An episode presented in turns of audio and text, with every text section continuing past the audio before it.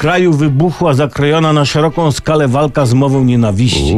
U. Mowa nienawiści jest to taka emocjonalna wypowiedź, jak przed chwilą, obrażająca daną osobę ze spośród ludności, która ma inne poglądy lub pochodzenie niż autor mowy. Teraz w Polsce z mową nienawiści walczą ludzie o wszystkich poglądach, z prawa, z lewa, z prosta, ze środka. Walczą głównie z mową nienawiści u tych drugich, tych innych. I słusznie, bo mowa nienawiści jest jak pupa, każdy ma własną.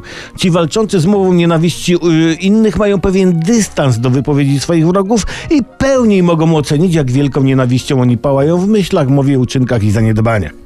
I jedni mówią, posłuchajcie, jak te omszałe weneryki pieprzą ohydnie, nie mając racji, nie to co my. A drudzy im odpowiadają, popatrzcie, jak ci obłudni syfiliści pierniczą wrednie, nie mając racji, nie to co my.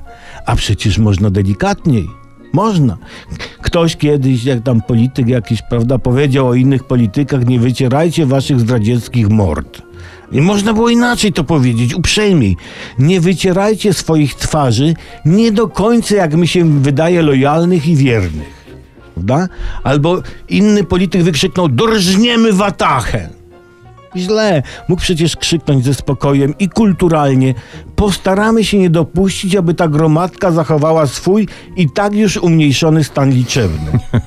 Prawda, że ładniej, uprzejmiej?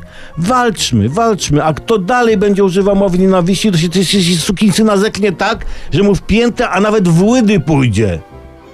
O, tak będzie.